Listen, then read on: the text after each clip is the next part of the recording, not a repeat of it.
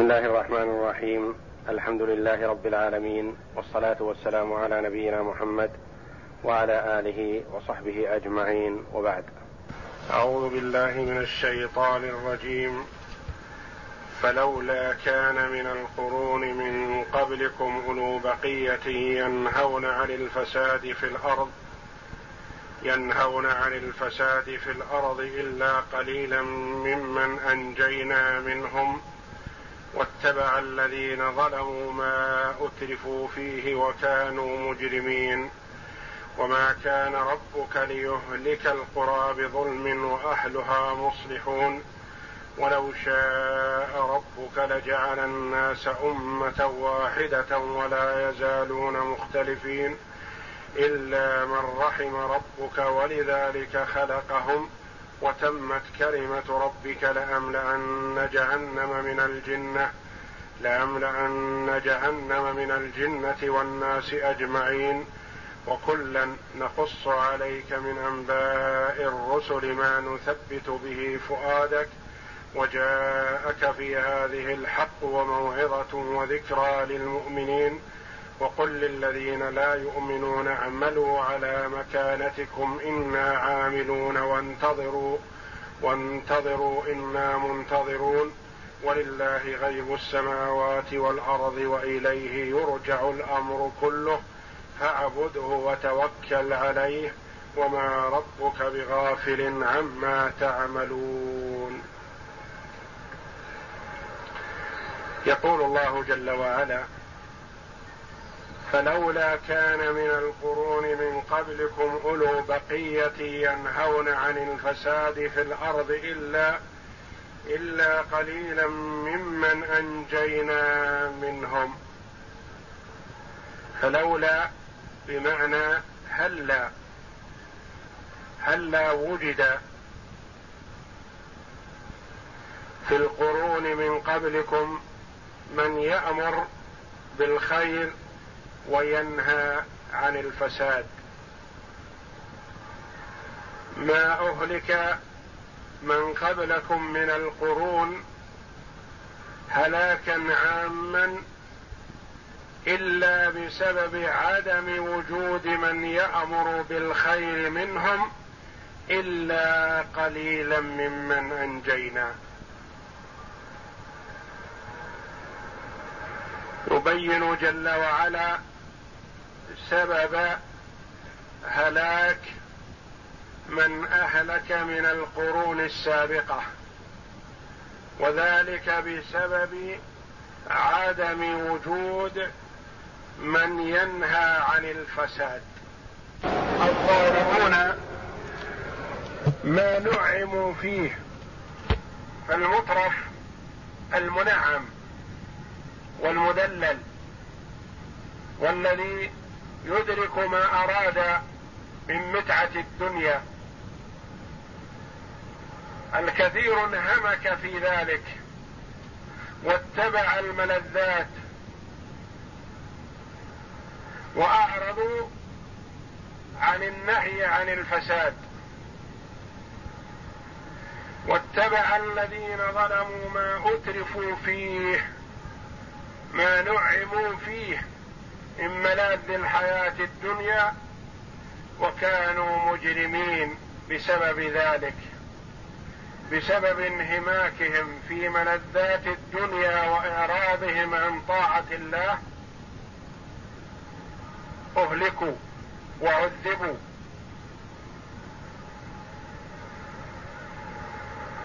والله جل وعلا لم يحرم على عباده الطيبات في الحياة الدنيا وإنما أحلها لهم في الدنيا وجعلها خالصة لهم في الدار الآخرة. لكن المنهي عنه هو الانهماك في اللذات مع الإعراض عن طاعة الله وعن الأمر بالمعروف والنهي عن المنكر. هذا هو المذموم. واتبع الذين ظلموا ما أترفوا فيه وكانوا مجرمين.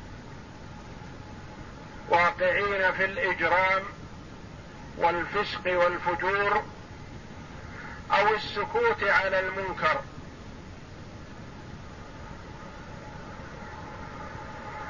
فجعل جل وعلا الساكت على المنكر مذموم. وهو مجرم بسكوته. وإنما الواجب النهي عن المنكر ما استطاع كما قال عليه الصلاة والسلام من رأى منكم منكرا فليغيره بيده فإن لم يستطع فبلسانه فإن لم يستطع فبقلبه وذلك أضعف الإيمان. الإنكار بالقلب مجزئ كافي لمن لم يستطع باليد واللسان.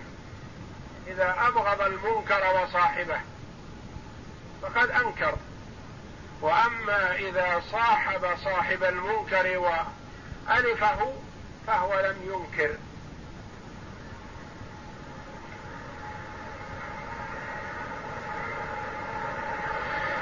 وما كان ربك ليهلك القرى بظلم وأهلها مصلحون.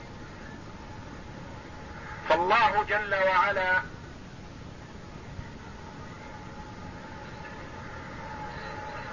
لا يهلك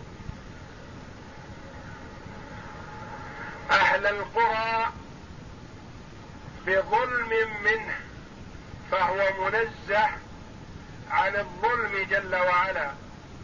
وما ربك بظلام للعبيد. فهو جل وعلا منزه عن الظلم. وكما ورد في الحديث القدسي يا عبادي إني حرمت الظلم على نفسي وجعلته بينكم محرما فلا تظالموا. فهو جل وعلا لا يظلم. وما كان ربك ليهلك القرى بظلم وأهلها مصلحون. لا يستحقون الهلاك فهو لا يهلك إلا من استحق الهلاك ولا ينتقم إلا من استحق الانتقام. هذا قول في معنى الآية لأن الله جل وعلا لا يظلم الناس ولكن الناس أنفسهم يظلمون. فهو لا يهلك المصلح وإنما يهلك المفسد. والقول الآخر أن المراد بالظلم هنا الكفر والشرك. فهو جل وعلا لا يهلك الناس بسبب الكفر به والشرك. ما داموا لم يظلموا الناس شيئا ما داموا مستقيمة أحوال الناس بينهم. وإنما يسارع بالانتقام إذا تعدى شر الناس على العباد. فإذا معنى الآية أن الكافر قد يمهل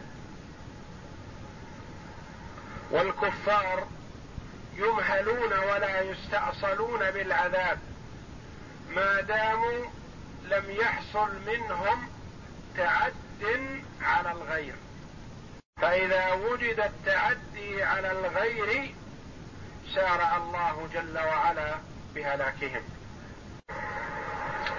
وإذا تتبعنا أحوال الأمم السابقة وجدنا أنهم اقترفوا جرما في حق الناس زيادة على الكفر الذي هم متلبسون به.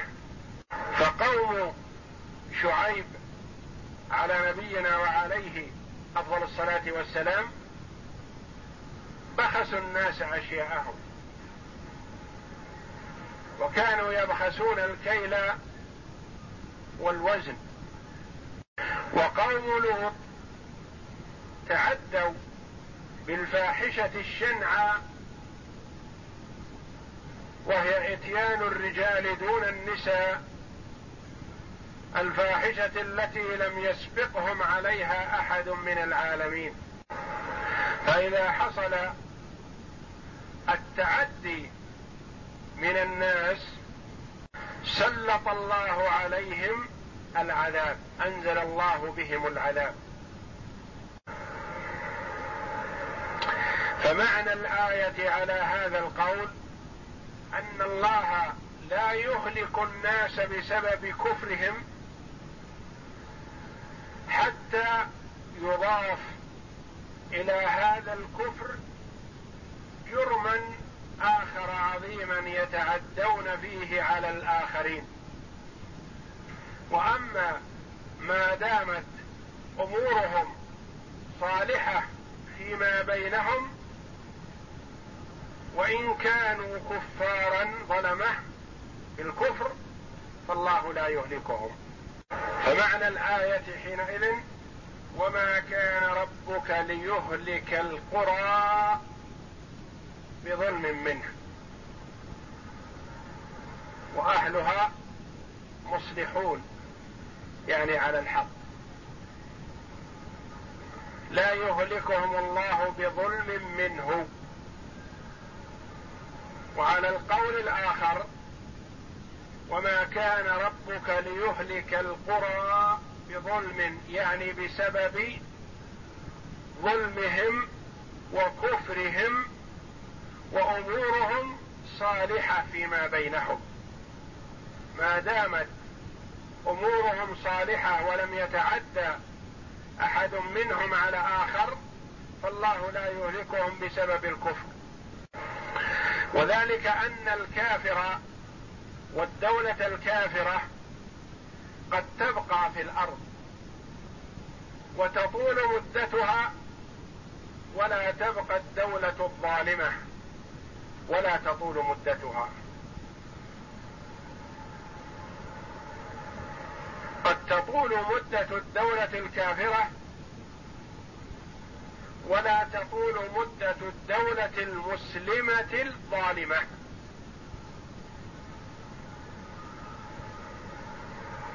فالظالم لا يمهله الله. فإذا انتشر الظلم فقد آذنوا بالقضاء عليهم. ولو شاء ربك لجعل الناس أمة واحدة. ولا يزالون مختلفين إلا من رحم ربك ولذلك خلقهم. ولو شاء ربك لجعل الناس أمة واحدة. فلو أراد الله لجعل الناس كلهم على الإيمان. ولو أراد الله لجعل الناس كلهم على الكفر.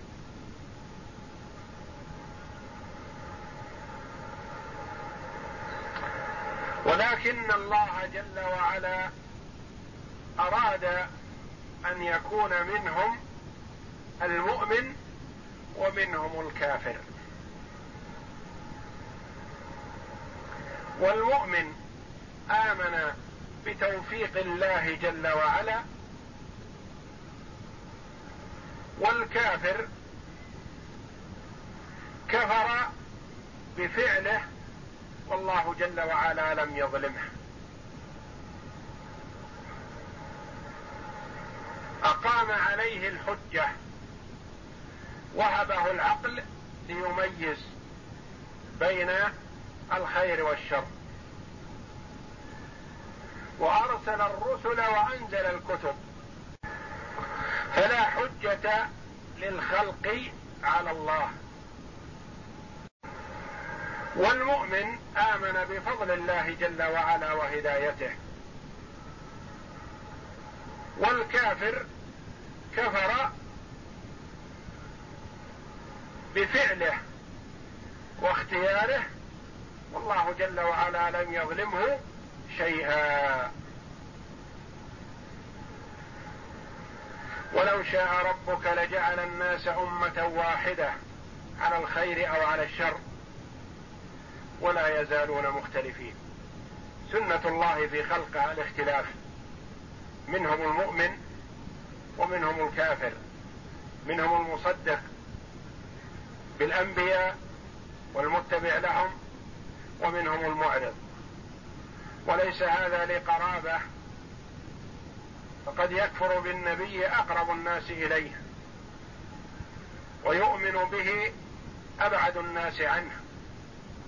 وما ذاك إلا بتوفيق الله جل وعلا. فالنبي صلى الله عليه وسلم أقرب الناس إليه حال نبوته أعمامه الأربعة. له أربعة أعمام. اثنان مؤمنان آمنا بالله ورسوله واثنان كفرا بالله وبرسوله. وأحد الكافرين هو الذي قام على تربية النبي صلى الله عليه وسلم والدفاع عنه الذي هو أبو طالب. والآخر أبو لهب. واللذان آمنا به رضي الله عنهما هما حمزة والعباس. فالهدايه بتوفيق الله جل وعلا والضلالة بعدله سبحانه واختيار العبد لذلك. ولا يزالون مختلفين سنة الله في خلقه. الاختلاف الإيمان والكفر والغنى والفقر. والطاعة والمعصية.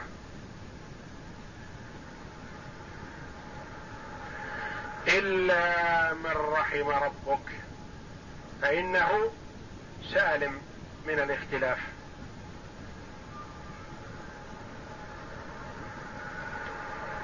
أهل السنة والجماعة السائرون على سنة المصطفى صلى الله عليه وسلم لا يختلفون في المسائل الأصولية العقائدية وإنما قد يختلفون في المسائل الفرعية وهذا لا يضر المسائل الفرعية لا يضر الاختلاف فيها. اختلف الصحابة رضي الله عنهم في بعض المسائل واختلف علماء السلف رحمهم الله في بعض المسائل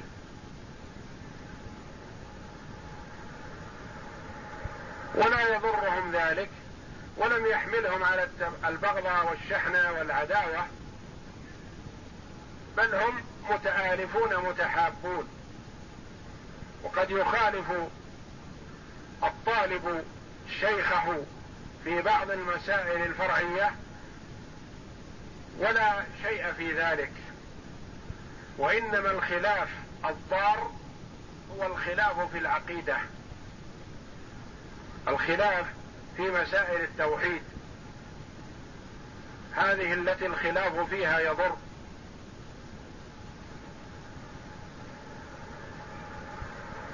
والمخالفون هم المبتعدون عن الصراط المستقيم. وأما أهل السنة والجماعة فهم متفقون على ما ورد في كتاب الله وصح عن رسوله صلى الله عليه وسلم. إلا من رحم ربك ولذلك خلقهم. هؤلاء المرحومون خلقهم الله جل وعلا لرحمته وهو الذي تفضل عليهم بالرحمة. ولذلك خلقهم وتمت كلمة ربك لأملأن جهنم من الجنة والناس أجمعين. تمت بمعنى ثبتت وحقت. كلمة ربك. فالله جل وعلا حكم للجنة بملئها وحكم للنار بملئها. من الجن والإنس. وهو جل وعلا لم يظلمهم فهو لا لم يظلم أهل النار وإنما هم الذين ظلموا أنفسهم. وكما قال الله جل وعلا وما كنا معذبين حتى نبعث رسولا. يعني بعد قيام الحجة عليهم وعنادهم وإعراضهم عن الصراط المستقيم استحقوا العذاب. وتمت كلمة ربك لأملأن جهنم من الجنة والناس أجمعين. فهو جل وعلا وعد النار بملئها. وكلما قال لها جل وعلا هل امتلأت؟ تقول هل من مزيد. تريد زيادة.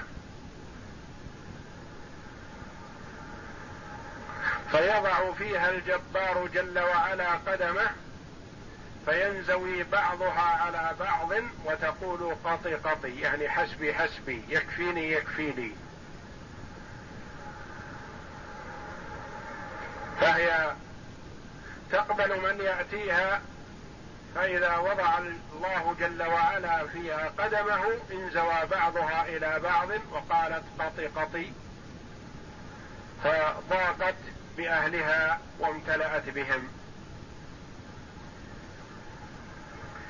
وتمت كلمة ربك لأملأن جهنم من الجنة والناس أجمعين. وكلا نقص عليك من أنباء الرسل ما نثبت به فؤادك. وكلا التنين هنا عوض عن المضاف إليه. وكل نبأ أو خبر فيه موعظة وذكرى من أخبار السابقين نقصه عليك. وكلا نقص عليك من أنباء الرسل مع أممهم. كما تقدم في أول السورة فقد قص الله جل وعلا فيها أخبار الأنبياء عليهم الصلاة والسلام مع أممهم. وما الغرض من ذلك؟ قال ما نثبت به فؤادك نثبت به قلبك في أن العاقبة للمتقين وأن الله ناصر أولياءه وأنه خاذل أعداءه ومهلكهم. ما نثبت به فؤادك فالقصص في القران للعظه والعبرة وتثبيت القلب على الإيمان. ما نثبت به فؤادك. وفؤاده صلى الله عليه وسلم ثابت. والمراد أمته. يثبت الله قلوب المؤمنين بما يقص من أخبار السابقين. وأن النصر لأولياء الله والخذلان لأعدائه. وأن الله جل وعلا محقق وعده الكريم بقوله أنا لننصر رسلنا والذين امنوا في الحياة الدنيا ويوم يقوم الاشهاد. والنصر محقق لاولياء الله وان مسهم ما مسهم من الاذى في الدنيا فالعاقبه لهم. وما يمسهم من الاذى والعذاب ذلك لرفعة درجاتهم وزيادة في حسناتهم وليظهر صبرهم وتحملهم ما يصيبهم في ذات الله. فالإيمان القوي يظهر عند الشدائد والامتحان. وكما قال عليه الصلاة والسلام أشد الناس بلاء الانبياء ثم الأمثل فالأمثل. يبتلى المرء على قدر دينه على قدر قوته في الدين وصلابته. فالابتلاء والامتحان أو السجن والتعذيب أو الضرب أو القتل لأولياء الله جل وعلا ليس هذا خذلانا وإنما هذا زيادة في حسناتهم ورفعة في درجاتهم عند الله جل وعلا والعاقبة لهم. وكلا نقص عليك من أنباء الرسل ما نثبت به فؤادك وجاءك في هذه الحق. وجاءك في هذه هذه السورة أو هذه الآيات الحق. وكل ما جاء عن الله جل وعلا فهو حق وكلامه حق وآياته حق. وموعظة وذكرى للمؤمنين. موعظة يتعظ بها صاحب القلب الحي. يتعظ بها المتأمل المتدبر لآيات الله.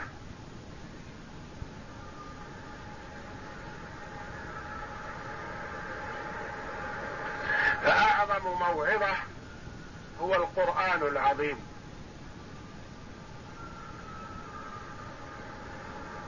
وهو أكبر آية على صدق الرسول صلى الله عليه وسلم.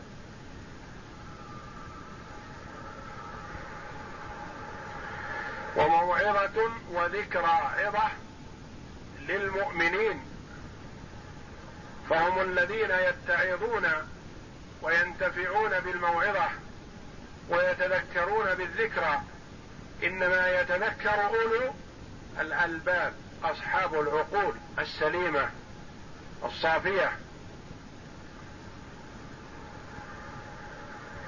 وأما المعرض عن الله فهو لا يتعظ ولا يتأمل ولا يتذكر ولا يستفيد مما يمر بين يديه. وقل للذين لا يؤمنون اعملوا على مكانتكم إنا عاملون وانتظروا إنا منتظرون. هذه الآية آية عظيمة في وعيد الظالمين. في وعيد من أعرض عن ذكر الله. وقل للذين لا يؤمنون اعملوا على مكانتكم اعملوا على طريقتكم. اعملوا على ما أنتم عليه. أنا عاملون مجتهدون فيما نحن فيه من طاعة الله جل وعلا. وانتظروا ما يحل بنا. أنا منتظرون ما يحل بكم. نحن على ثقة بأن الله جل وعلا سينصرنا ويخذلكم. استمروا على ما أنتم عليه ونحن نستمر على ما نحن عليه. وانتظروا ما يحصل. تأملوا. هل تكون العاقبة لكم أو لنا؟ ومثل هذا آيات كثيرة في القرآن. التحذير والتخويف. ومثل ذلك قوله جل وعلا إن الذين يلحدون في آياتنا لا يخفون علينا. نحن مطلعون عليهم وإن أمهلناهم فلن نهملهم. وانتظروا إنا منتظرون. ولله غيب السماوات والأرض. ولله غيب السماوات والأرض. لا يعلم الغيب إلا الله جل وعلا والمراد بالغيب ما غاب وخفي فالله جل وعلا يعلمه. وهل الله جل وعلا لا يعلم إلا الغيب وأما الظاهر فلا يعلمه؟ إذا كان هو العالم بالغيب وحده فالظاهر من باب